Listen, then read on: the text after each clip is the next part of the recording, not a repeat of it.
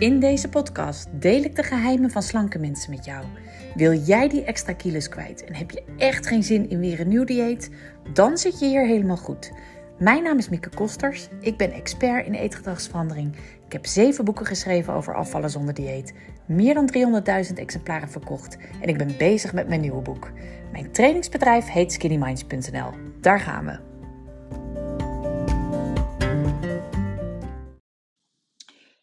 En vandaag gaan we verder met wat uh, van die, um, ja, hoe moet ik het uitleggen? Wat van die termen, wat van die, mm, aan de ene kant fabels, verhalen die je zelf vertelt over afvallen. Die heel veel voorkomen, die breed gedragen worden, maar waarbij de waarheid vaak wel in het midden ligt.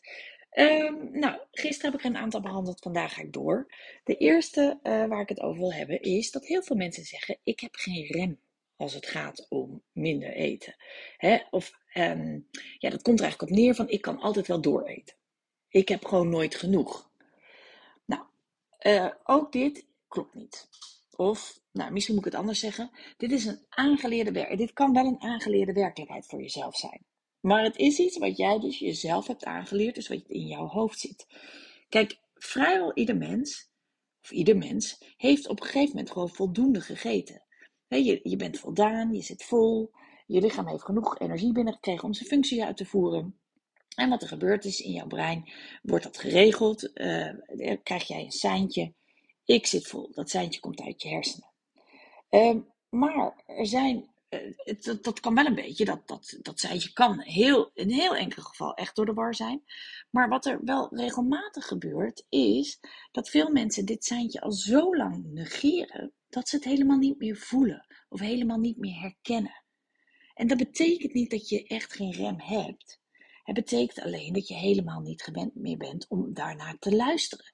Nou, en dat kun je wel weer leren. Dat is het goede nieuws. maar dan zul je dus wel een extra stapje moeten zetten.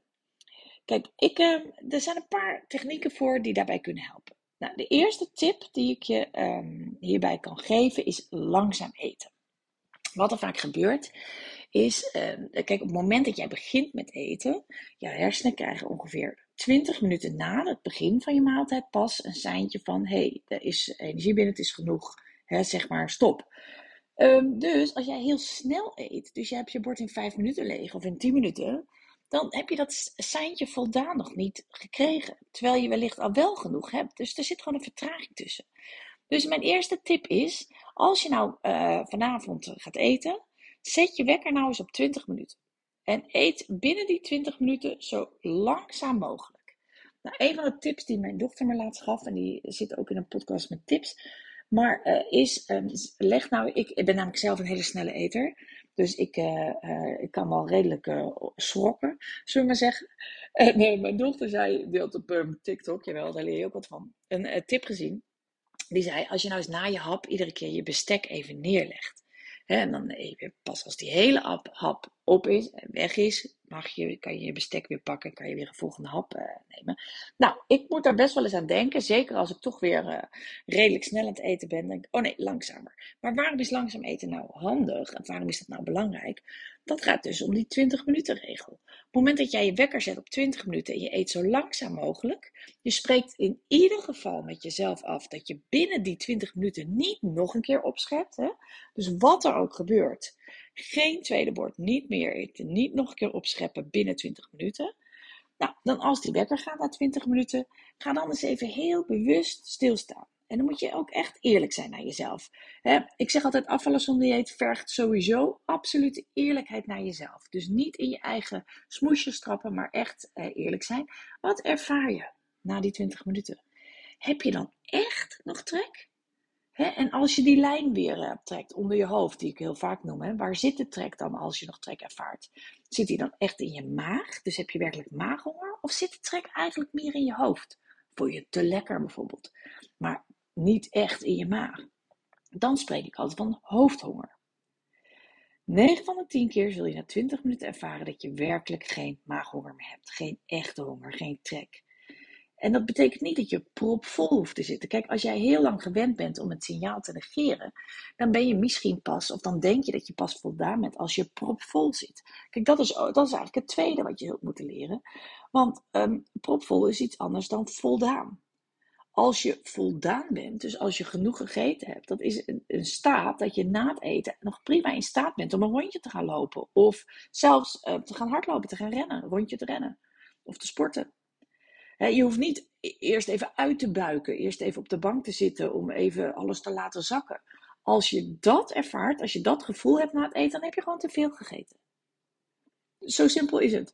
Voldaan is iets anders dan propvol. Dus heb jij de neiging na het eten altijd om even uit te buiken, dan eet je gewoon te veel. Dus dat vind ik zelf een handige vuistregel. Dus ik hoop dat je daar wat aan hebt.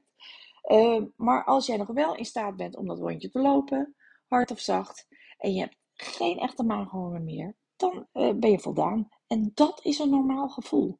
Dat is het gevoel waar het om gaat. En dat gevoel, daar kun je weer aan wennen. Maar ja, daar moet je dus wel wat voor doen. Doen. Daar moet je wel bewust eerst mee bezig gaan. dus langzaam eten is daarin heel nuttig. Nou, ik heb ook nog een andere manier, als, als dit nou niet helemaal lukt, is, um, is een andere manier om, om een soort van de rem in jezelf te ontdekken. En dat is precies andersom.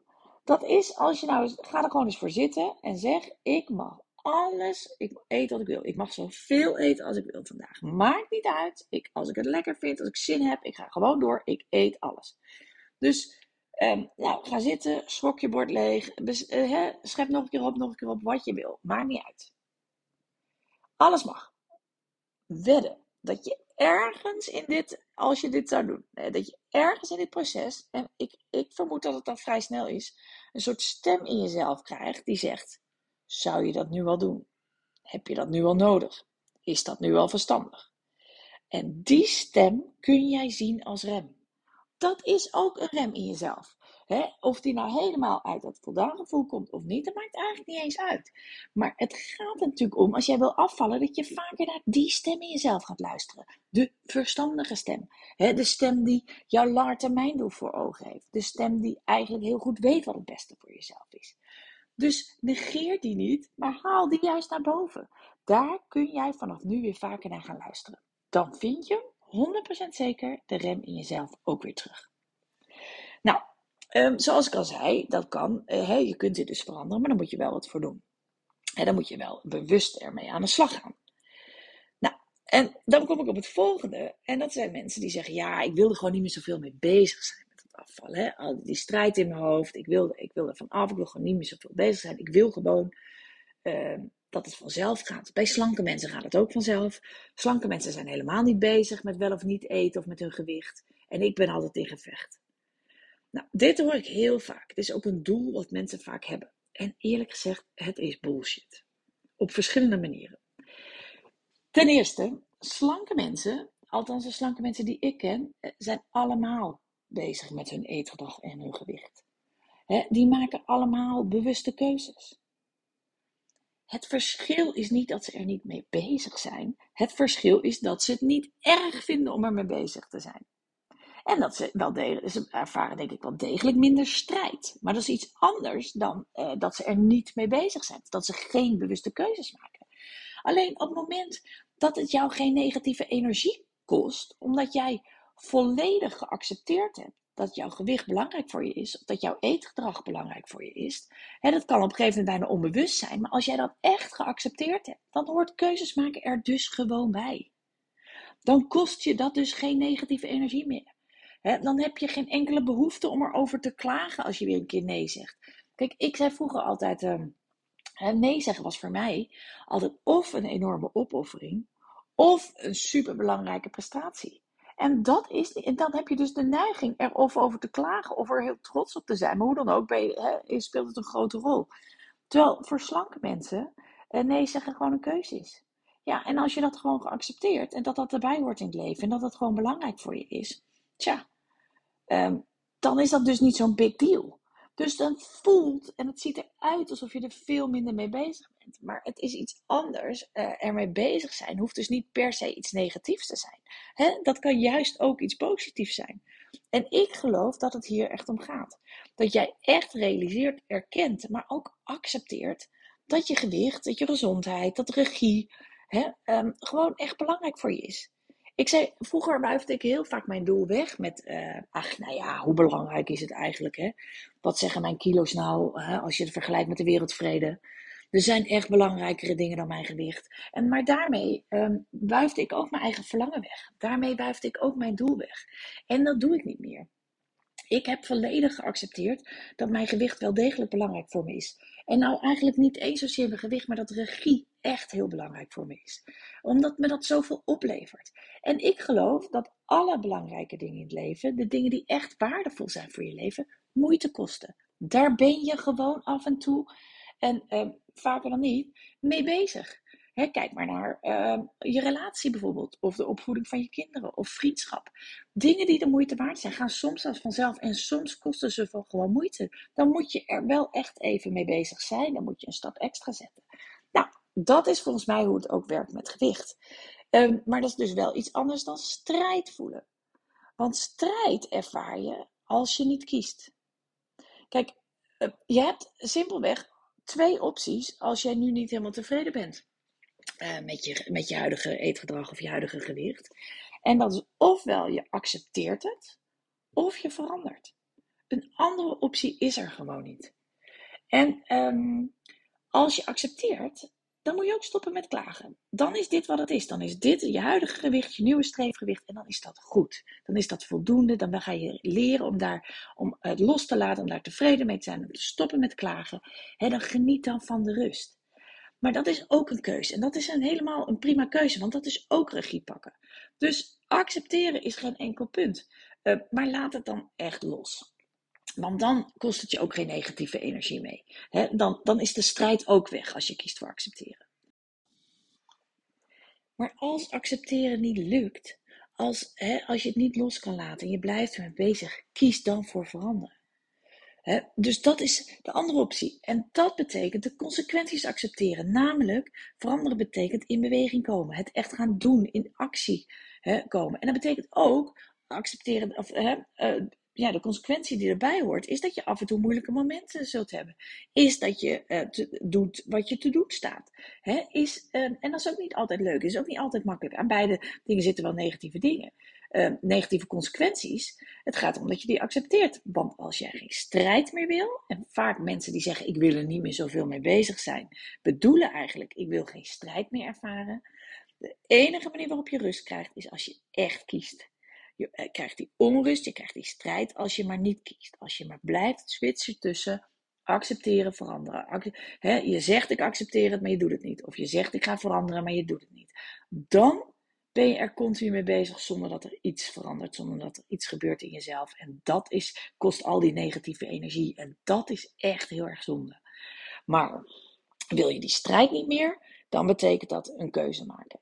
En dat betekent dus wel in het begin bewust bezig zijn. Als jij kiest voor veranderen, dan zul je daar wel bewust mee bezig moeten zijn om uh, te bedenken welke acties je gaat doen, welke extra stappen je, je te zetten hebt. Hè.